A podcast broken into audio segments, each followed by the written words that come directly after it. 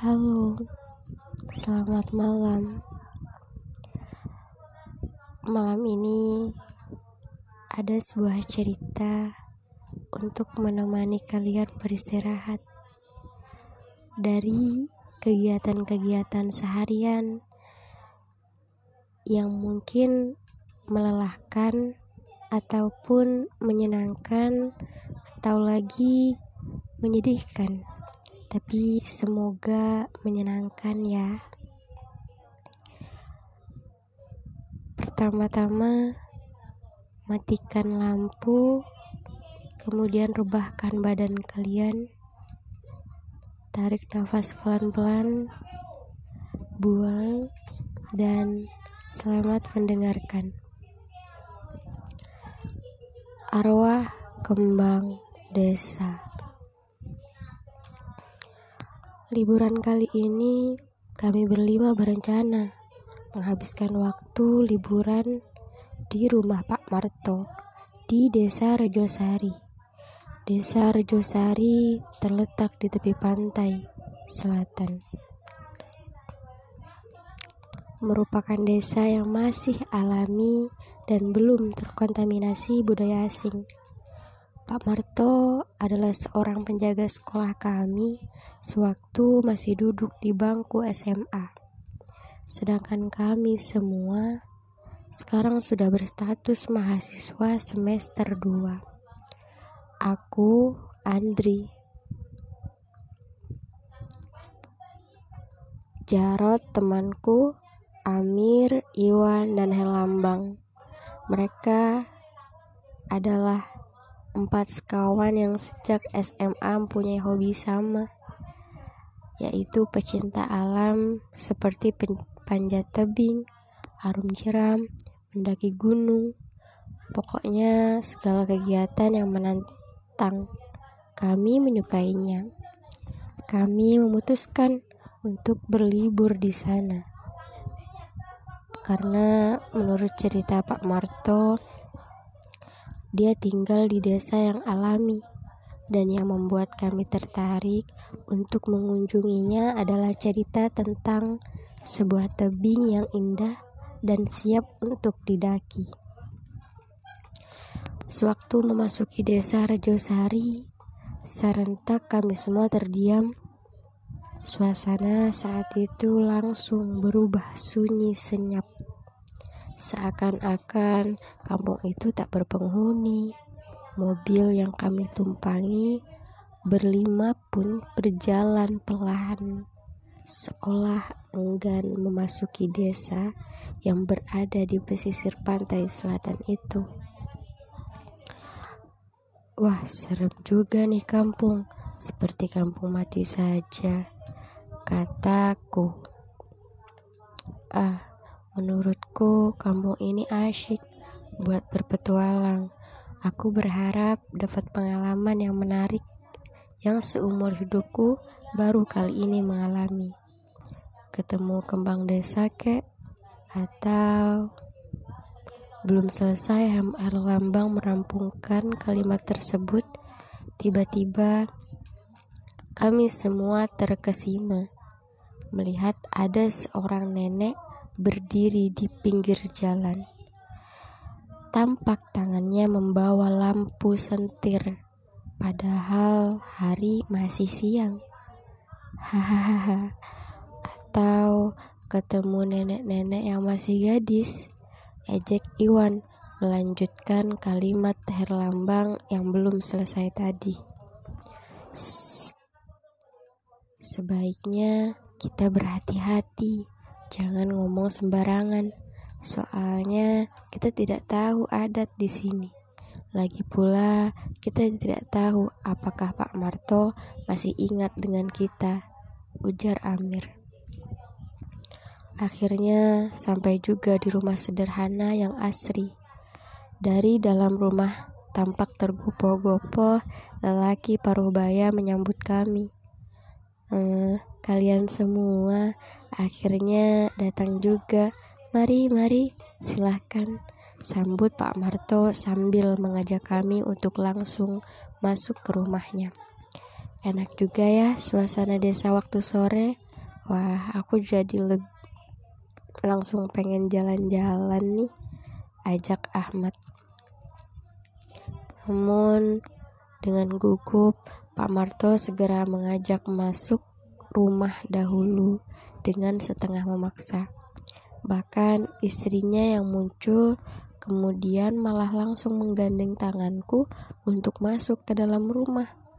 Seusai mandi dan istirahat sebentar, langsung kami disuguhi makan malam. Pak, ini kan masih sore, baru jam 6. Kok sudah makan? Nanti sajalah. Aku pengen jalan-jalan. Ajak Ahmad tak sabaran. Tapi dengan sigap Pak Marto segera melarang dan menyuruh makan dulu. Oke deh, aku sudah lapar juga kok. Oh iya Pak, tadi di depan desa aku melihat seorang nenek duduk di pinggir jalan. Tapi kok siang-siang menyalakan sentir ya? Siapa dia Pak? Ujar Jarot. Makan dulu saja. Nanti sehabis makan, Bapak akan ceritakan semuanya tentang desa ini dan aturan-aturannya, ujar Pak Marto. Dengan penuh penasaran, akhirnya kami menikmati makan malam dengan tergesa-gesa. Selesai makan, sambil nyeruput wedang jahe, kami duduk di ruang tengah untuk mendengarkan penjelasan Pak Marto. Mas, Sebenarnya kedatangan mas-mas di sini agak kurang tepat.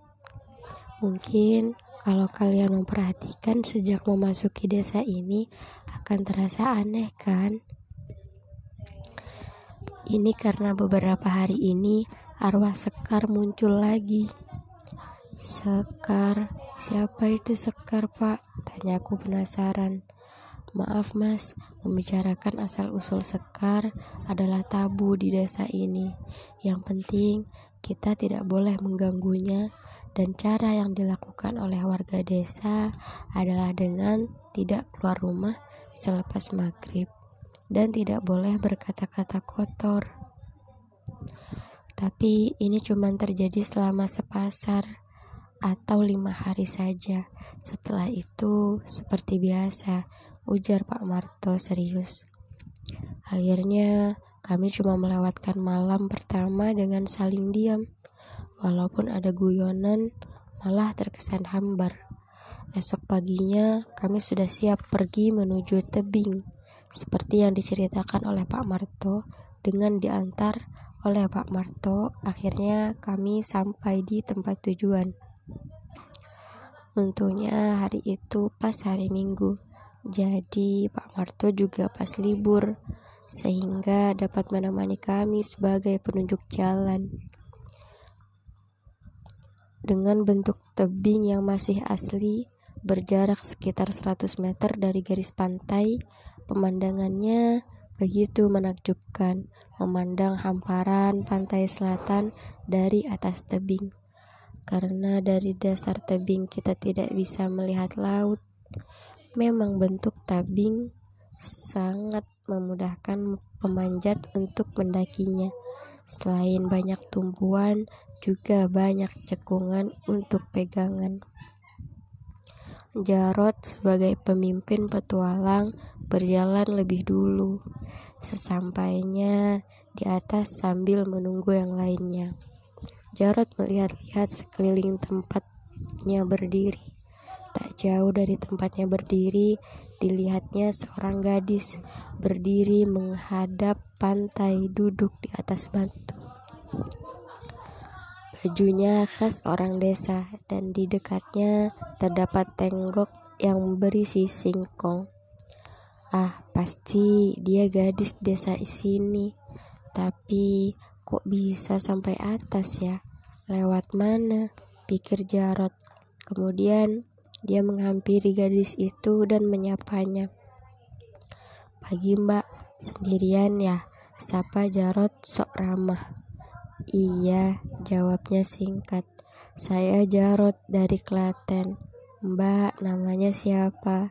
Seloroh Jarot lagi. Muncul sikap playboynya. Ayu, Ucap gadis itu lirih sambil mengulurkan tangannya untuk berjabat tangan. Wah, kesempatan nih. Waduh, tangannya halus banget, tapi kok dingin ya, pikir Jarot. Kok bisa naik ke atas? Lewat mana? Pertanyaan Jarot itu cuma dijawab dengan arah telunjuk. Ayu yang menuju jalan kecil terjal di pinggir bukit. Tiba-tiba, Jarot, ngapain kamu? Eh, malah cengar-cengir. Kok aku tidak dibantu naik? Teriak Ahmad yang kedatangannya disusul oleh Herlambang. Hei, sini dong. Aku dapat kenalan cewek cantik nih. Sini, teriak Jarot. Tapi, loh, mana Ayu? Kok hilang? Wah, Pasti gara-gara kalian ayo pergi, ujar Jarot sambil memandang jalan terjal yang mungkin dilalui Ayu. Selepas siang, kami pulang ke rumah Pak Marto. Dan sepertinya Jarot enggan menceritakan pertemuannya dengan Ayu. Hingga malam tiba, mendadak tubuh Jarot menggigil kedinginan, tapi tubuhnya panas. Jarot, kenapa kamu? Wah, susah kalau bawa anak mami. Pasti dia kangen ibunya, kelakar Iwan. Tapi Pak Marto menanggapinya lain. Apa yang terjadi dengan kalian di atas tadi? Tanya Pak Marto. Tidak ada apa-apa kok, entah kalau Jarot, ujar Andri. Eh ya, tadi Jarot bilang ketemu dengan gadis bernama siapa Ahmad? Oh, Ayu, sahut Ahmad. Tiba-tiba wajah Pak Marto dan istrinya berubah seperti ketakutan. Mas, kalian tunggu sebentar di sini ya. Tapi aku minta ditemani salah satu dari kalian untuk keluar sebentar, ujar Pak Marto. Tambah membuat kami heran. Sudah, nanti saya ceritakan. Akhirnya Herlambang yang pergi menemani Pak Marto dan sebentar kemudian mereka datang bersama dengan Nyai Inem. Dikenal sebagai tabib di desa tersebut, setelah diberi japa mantra, akhirnya tubuh Jarod jadi tenang dan mulai turun panasnya. Tolong, setelah siuman, minumkan ramuan ini. Sudah saya mau langsung pulang, tidak usah diantar, ujar Nyai Inem. Jarod masih belum sadar, sepertinya tidur. Akhirnya Pak Marto bercerita kalau gadis yang ditemui Jarod bernama Ayu tersebut tak lain adalah Sekar alias Ayu Sekar. Dan hingga Jarod kejang seperti itu pasti karena Jarod telah menyentuh tubuh Ayu Sekar. Jangankan bersalaman, Menyentuh saja sudah terkena sawapnya, tapi untung belum parah, jadi masih bisa tertolong. Dan nenek yang kalian temui di depan desa itu adalah Ibu Ayu Sekar. Dia masih hidup, tapi kurang waras. Dia selalu menyalakan lampu karena ingin mencari anaknya siang maupun malam. Terang Pak Amir. Tapi Sekar tidak kejam, hanya sebatas menggoda saja, imbuhnya. Kalau boleh tahu, siapa Ayu Sekar, Pak? Kenapa bisa jadi begitu? Tanya Herlambang. Pak Amir takut menceritakan kisah Ayu Sekar pada malam hari. Setelah esok pagi, baru dia cerita tentang Ayu Sekar. Tuturnya, dia seorang anak yang lahir dari hubungan wanita desa setempat dengan seorang pria pendatang. Namun, setelah Ayu Sekar tumbuh menjadi seorang gadis dewasa, sang ayah yang bejat malah memperkosanya. Dan akhirnya, Ayu Sekar bunuh diri nyemplung laut. Ayahnya sendiri tewas dihakimi masa. Kisah tersebut sudah terjadi sejak 10 tahun yang lalu. Tapi sang ibu Ayu Sekar sampai sekarang masih belum ketemu mencari anaknya. Sekian cerita dariku. Semoga bisa membantu kalian tertidur lelap. Selamat malam.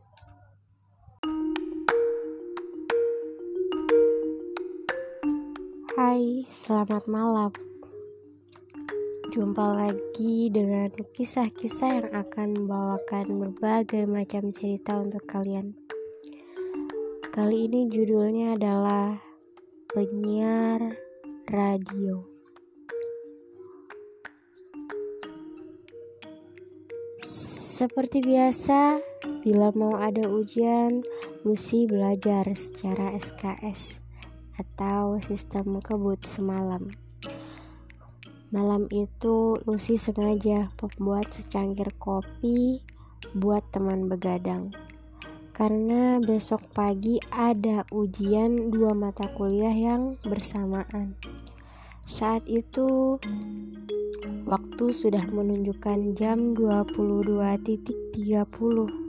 Seperti biasa, Lucy belajar sambil mendengarkan radio acara kesayangannya, yaitu Sweet Memories yang memutar lagu-lagu lawas.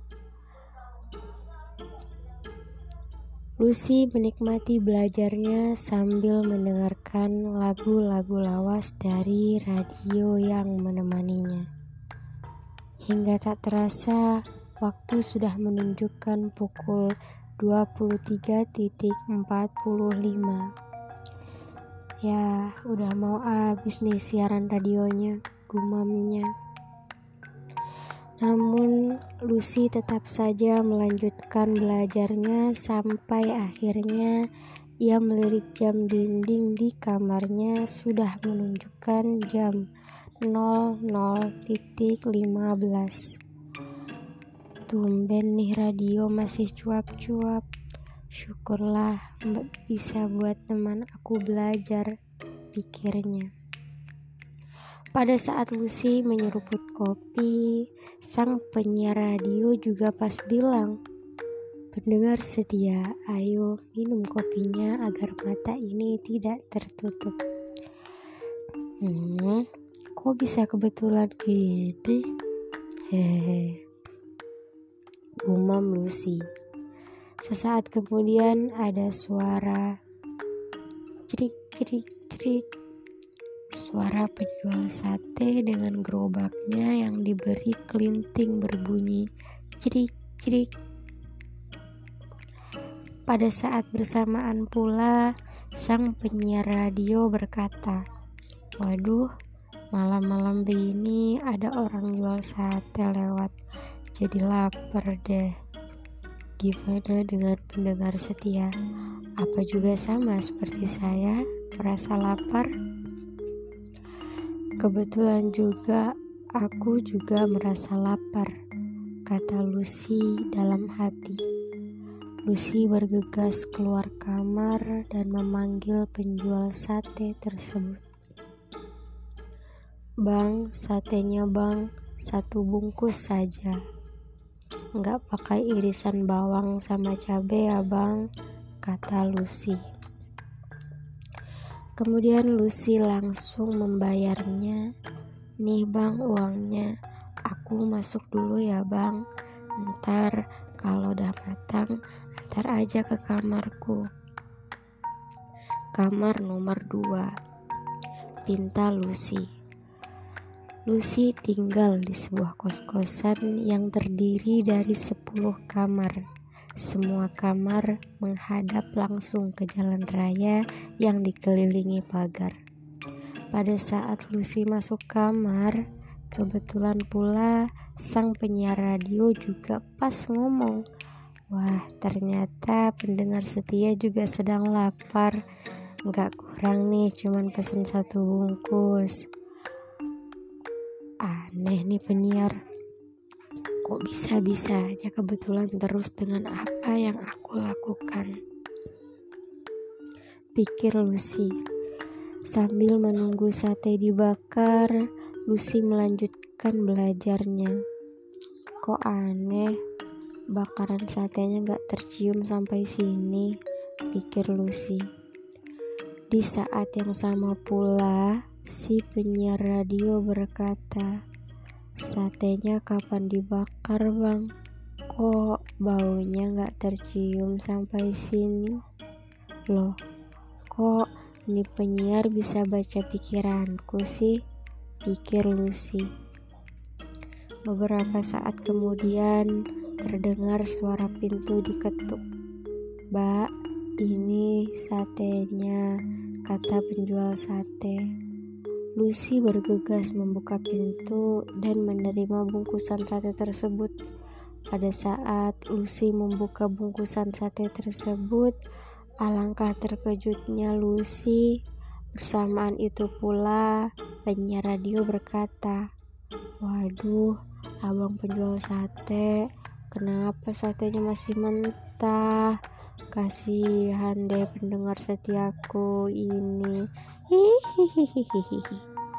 Lucy semakin curiga dengan radionya dan merasa aneh dengan ketawa sang penyiar radionya.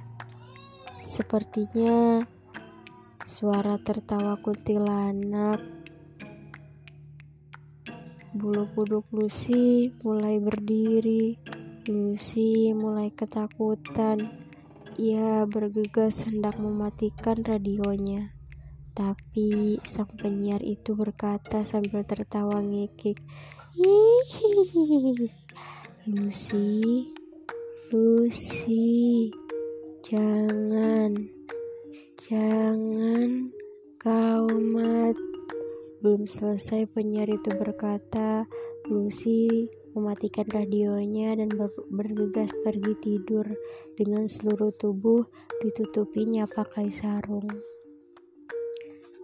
Selamat tidur, salam dari kuntilanak.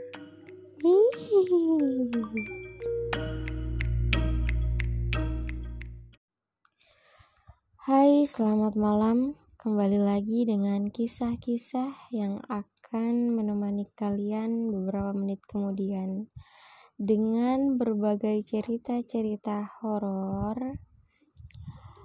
Dan untuk para anak-anak kos kali ini kisah-kisah akan membawakan cerita dengan judul Hantu Jari Telunjuk di Kos-Kosan. Ira, mahasiswa semester 3 di universitas ternama di Yogyakarta. Saat ini ia kos di daerah Samirono setelah dua semester sebelumnya kos di daerah Karangmalang. Cari suasana baru, alasannya setiap ditanya teman-temannya. Ira mempunyai kebiasaan unik yaitu sering terbangun di malam hari dan merasa kelaparan. Setiap terbangun tengah malam, pasti kalau tidak bikin mie, ya bikin bubur instan atau ngemil cemilan sambil belajar. Suatu siang setelah pulang dari kampus sebagai penghuni kos baru, Ira sengaja main ke kamar Eni untuk berkenalan dan ngobrol. Kamar Eni persis bersebelahan sama kamar Ira. Mereka berdua ngobrol ke sana sini sampai akhirnya Ira menceritakan kebiasaannya bangun tengah malam karena sering merasa lapar. Tahu nih, perutku selalu saja keroncongan. Setiap tengah malam, mungkin karena anak kos, jadi makannya serba terbatas. Hehehe, katanya kepada Eni. Kamu ndak takut ya, Ir? Pergi ke dapur malam-malam sendirian. Kamu udah dengar belum tentang hantu jari telunjuk di kos ini? Tanya Eni. Apa? Baru kali ini aku dengar nama hantu jari telunjuk. Hantu jenis baru ya? Hehehe. Jawab Ira.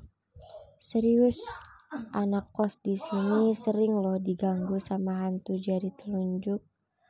Pada saat mereka belajar tengah malam, tiba-tiba Dari jendela atau dinding muncul tangan dengan posisi jari menunjuk sesuatu seperti sedang main pinsut.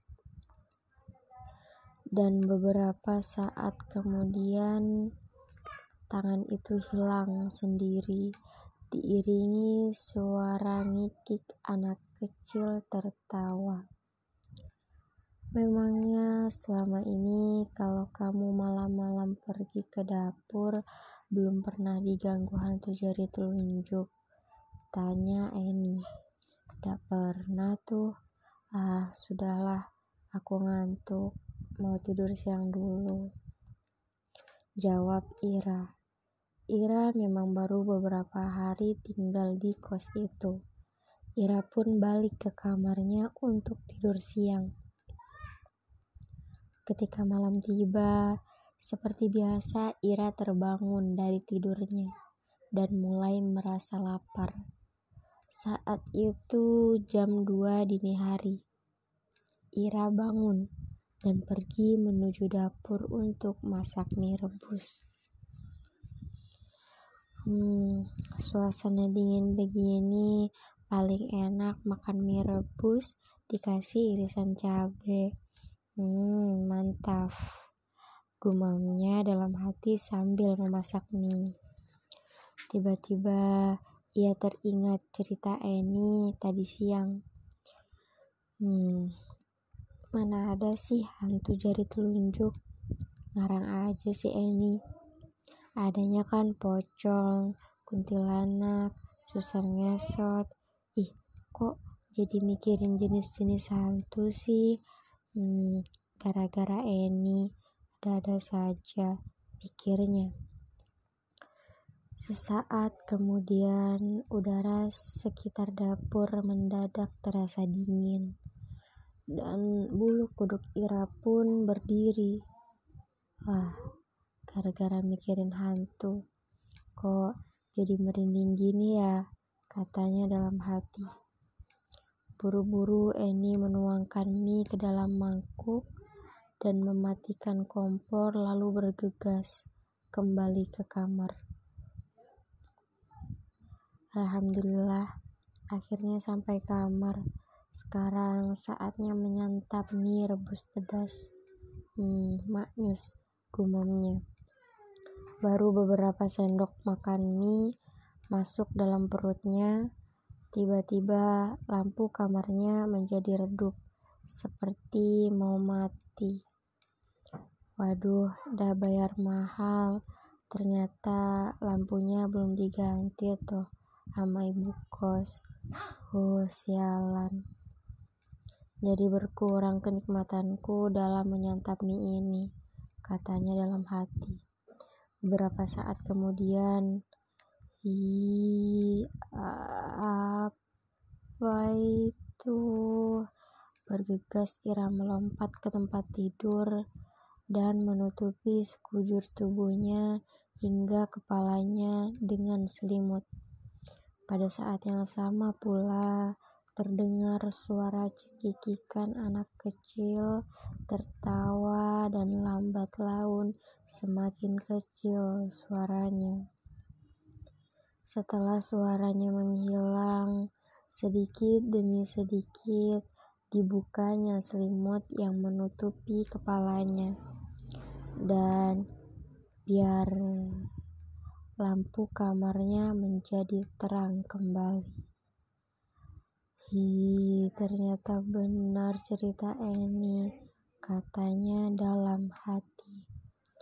Esoknya Ira berkemas mau mudik ke Purworejo. Ya, ingin menceritakan semua kejadian itu pada ayahnya dan berencana pindah kos lagi.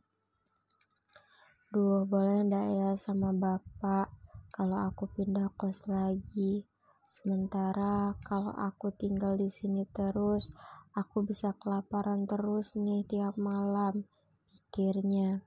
Sesampainya di rumah, Ira menemui kakaknya Rini untuk minta pendapat kakaknya sebelum bercerita sama bapaknya. Di kamar kakaknya, Ira mulai menceritakan semuanya kepada Rini. Tapi anehnya Rini malah tertawa terpingkal-pingkal mendengarnya. Loh mbak Rini kok malah tertawa sih? Aku ini ndak mengada-ada loh mbak, kata Ira. Iya, iya, aku percaya. Sudahlah, kamu ndak usah pindah kos lagi. Sudah terlanjur dibayar selama dua semester toh. Bapak pasti ndak bakalan ngizinin. Hahaha. Jawab kakaknya sembari tertawa kembali. Duh, mbak ini serius loh. Mbak sendiri kan tahu kebiasaanku bangun tengah malam untuk makan. Kalau aku tinggal di situ terus, aku bisa kelaparan. Jawab Ira kesal. Nah, tenang adikku sayang. Kamu mau tahu cara mengatasi hantu jari telunjuk? Jawab Rini sembari tertawa kembali. Memang Mbak Rini pernah lihat hantu jari telunjuk? Tanya Ira. Belum, jawab Rini. Kok belum pernah lihat hantu jari telunjuk? Gimana tahu cara mengatasinya? Rengek Ira cemberut. Sudahlah, percaya ada sama Mbak Yumu ini. Besok kalau hantu jari telunjuk itu datang lagi mengganggumu, tunjukkan aja jari jempolmu. Pasti hantu itu akan menghilang, jawabnya.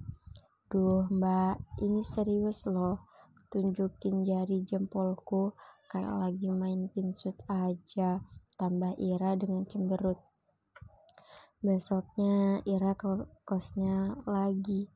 Ia sengaja beli cemilan banyak sekali buat jaga-jaga, sehingga dia tidak usah pergi ke dapur untuk memasak.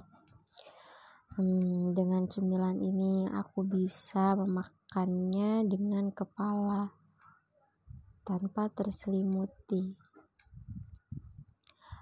Hingga aku tetap dapat makan tanpa melihat hantu jari telunjuk sialan itu, pikirnya. Seperti malam-malam sebelumnya, Ira mulai terbangun tengah malam dengan perut laparnya. Ia sengaja menaruh biskuit di samping tempat tidurnya.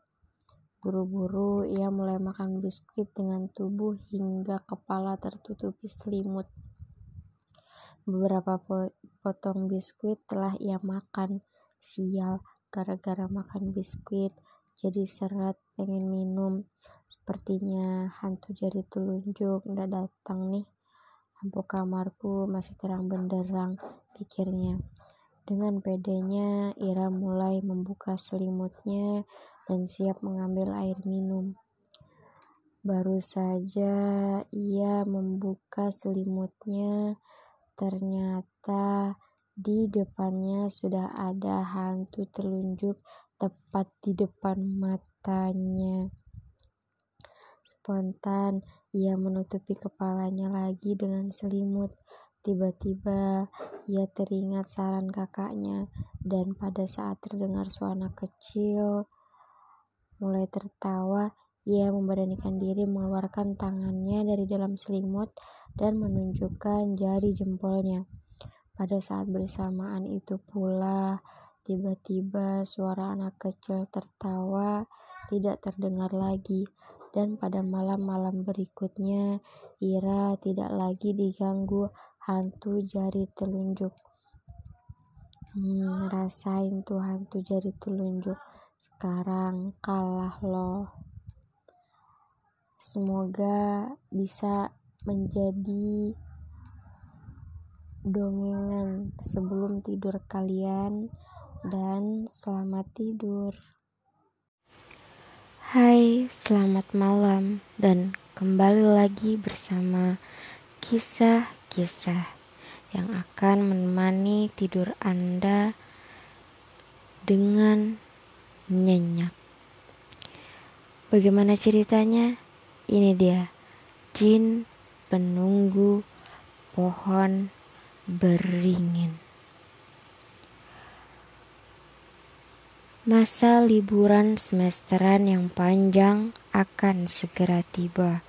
Agus adalah seorang mahasiswa semester 4 di sebuah universitas di Yogyakarta. Bersama ketiga temannya, Wawan, Ahmad, dan Andri berencana mengadakan liburan semesteran di rumah Paman Agus di tempat yang terpencil, yaitu di Pendawareja, Kabupaten Kulon Progo. Mereka sengaja mencari tempat terpencil yang tenang dan damai untuk benar-benar meluangkan masa liburannya. Setelah selama satu semester, mereka habiskan waktunya untuk belajar, belajar, dan belajar di kampus. Acara mengisi liburan pun dirancang demikian matang. Mereka ingin menikmati kesunyian sembari lebih dekat dengan alam pedesaan. Rumah Paman Agus, meski masih harus menempuh perjalanan setapak sejauh satu kilometer, bagi mereka tidak masalah. Singkat cerita, mereka berempat berangkat dari kos-kosan sehabis sholat asar. Tiba di Kenteng, sebuah terminal angkutan kecil di Kulon Progo sekitar pukul setengah lima WIB. Dilanjutkan dengan naik ojek menuju ke Pendawareja. Sampai kemudian mereka berhenti di dekat persawahan karena sudah sampai pada jalan setapak menuju ke rumah Paman Agus. Menjelang maghrib, mereka baru tiba di rumah Paman Agus. Namun, karena rumahnya sempit, dialihkan bermalam di rumah Paman Agus yang satunya. Rumah Paman Agus yang ini merupakan pondok kosong peninggalan almarhum mertuanya. Pondok tersebut dinding-dindingnya terbuat dari kayu. Letaknya menyendiri di antara rumah-rumah yang bertebaran di dusun berada di pinggiran bukit itu. Lokasi pondok kosong itu agak menonjol, berada di dataran agak tinggi. Di samping pondok terdapat satu pohon beringin yang besar sekali. Sepertinya Usia pohon itu sudah puluhan tahun.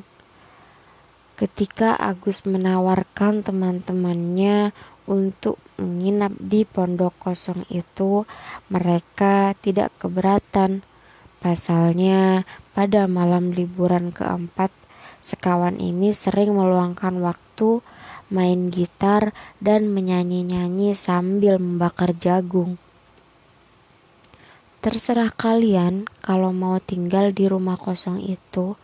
Rumah itu punyaan almarhum orang tua bulekmu atau tante. Dulu ditempati pekerja bangunan yang sedang membangun talut di desa ini, tapi terus pindah karena tidak kerasan, ujar Paman Agus. Pondok kosong itu lumayan luas dengan dua buah kamar dan dapur yang masih tradisional.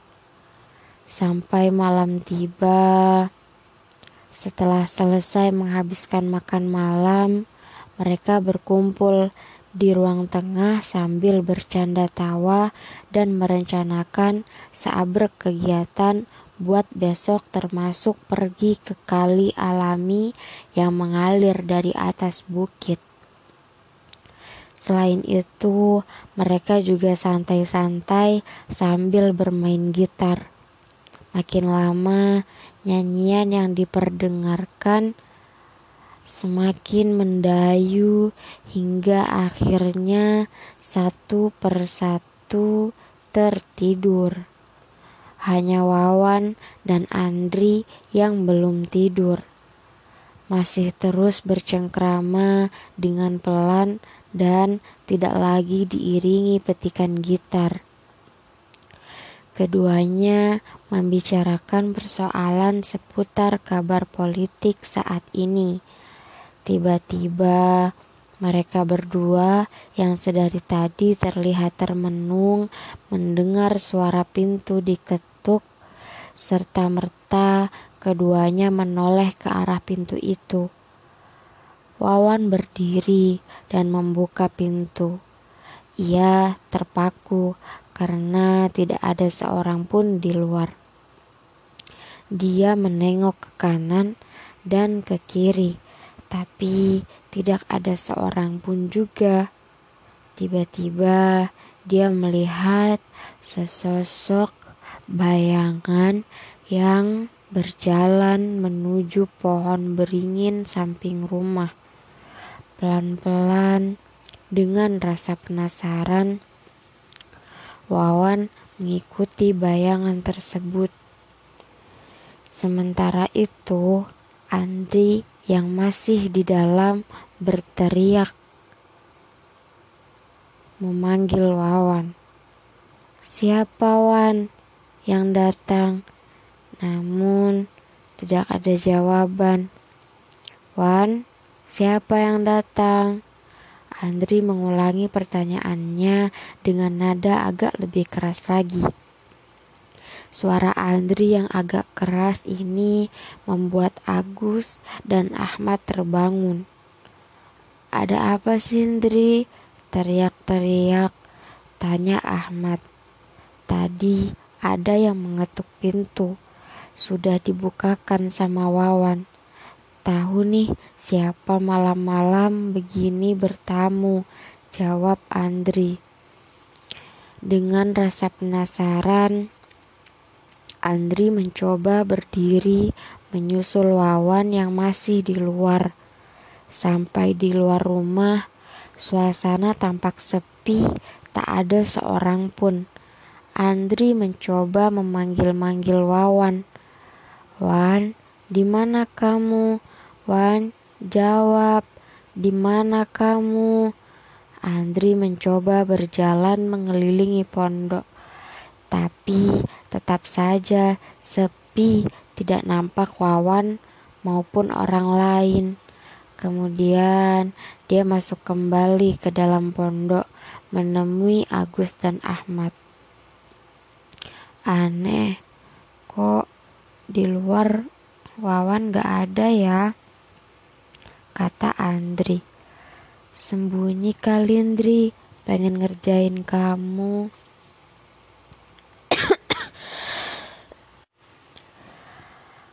Tiba-tiba Andri terbatuk dan An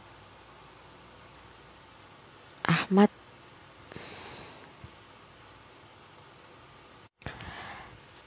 bergurau tapi tadi ada yang ketuk pintu, jawab Andri. Ayo kita lihat saja daripada penasaran, tambah Agus.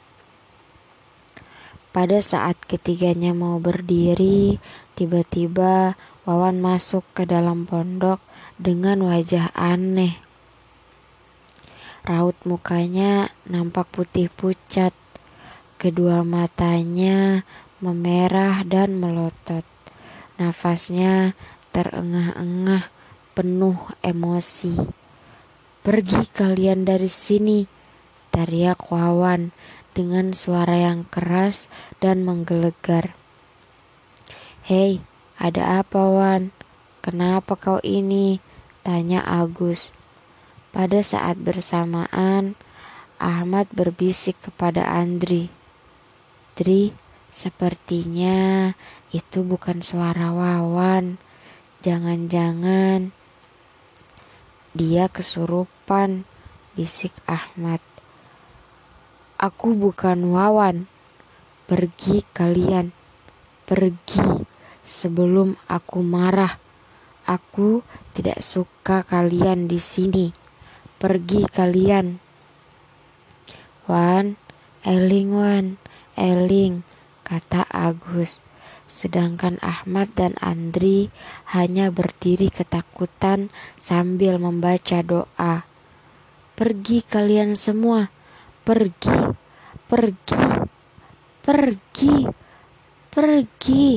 Teriak Wawan dengan nada yang besar dan lama-kelamaan dengan suara lirih serta tubuh Wawan mulai lunglau, lunglai dan bruk jatuh pingsan. Agus, Andri, dan Wawan bergegas mengangkat tubuh Wawan yang jatuh pingsan dan memindahkannya ke dalam kamar mereka bertiga berusaha menyadarkannya. Wan, bangun. Ayo bangun Wan. Sadar, sadarlah Wan. Ketiga temannya mencoba menyadarkan Wawan. Akhirnya, seiring dengan berkumandangnya azan subuh, Wawan mulai sadar. Ketiga temannya mulai tenang dan memberinya minum. Ada apa kalian ini? Mengapa memandangiku seperti itu? Dan kenapa aku harus minum air ini? Tanya Wawan. Semalam kamu pingsan. Sepertinya kamu lesu. Jawab Andri. Namun dipotong oleh Ahmad. Sudahlah, dilanjut nanti. Sekarang ayo sholat subuh berjamaah dulu. Selesai sholat subuh berjamaah, Kembali Wawan bertanya pada ketiga temannya, "Kenapa sih kalian tadi memandangiku? Siapa tadi malam yang ketuk pintu dan kamu terus menghilang ke mana? Kok pulang-pulang kamu langsung jatuh pingsan?" Tanya Andri. "Oh, jadi itu. Semalam yang ketuk pintu itu seorang nenek namanya Mbah Mariem. Dia menangis tidak bisa tidur. Rupanya kita dalam bermain gitar, bernyanyi dan bergurau semalam terlalu keras sehingga mengganggunya. Tapi aku udah minta maaf, tidak akan mengulanginya. Dan akhirnya Mbak Mariam pulang. Semula mau aku antar pulang sampai rumah, tapi Mbak Mariam menolak. Cukup sampai depan pohon beringin saja. Sudah dekat kok katanya. Akhirnya aku kembali masuk dan melihat kalian bertiga sudah tidur nyenyak sekali. Aku pun langsung masuk ke kamar dan tidur. Jadi siapa yang pingsan? Cerita Wawan.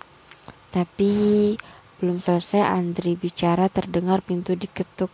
Ternyata Paman Agus datang membawa singkong rebus dan satu ceret teh hangat. Gimana tidur kalian? Nyenyak kan? Tanya Paman Agus. Kemudian mereka berempat mulai menceritakan kejadian aneh semalam. Oh, jadi itu yang menyebabkan para pekerja bangunan tidak kerasan. Kalau begitu nanti malam kalian pindah ke rumah paman saja. Di sini tidak ada nenek yang bernama Mariam. Mungkin dia jin penunggu pohon beringin besar yang berada di samping pondok kosong tutur Paman Agus dan langsung pamit pergi tidak melanjutkan ceritanya. Agus tahu tentang keganjilan itu. Siang itu juga mengajak teman-temannya pindah ke rumah pamannya. Agus ketika itu hanya berpikir jika jin penunggu pohon beringin besar mungkin terusik oleh kehadiran mereka. Cukup sampai di sini cerita dari kisah-kisah apabila terdapat banyak kesalahan atau kekeliruan, mohon maaf karena yang menulis cerita ini adalah Mbak Kunti.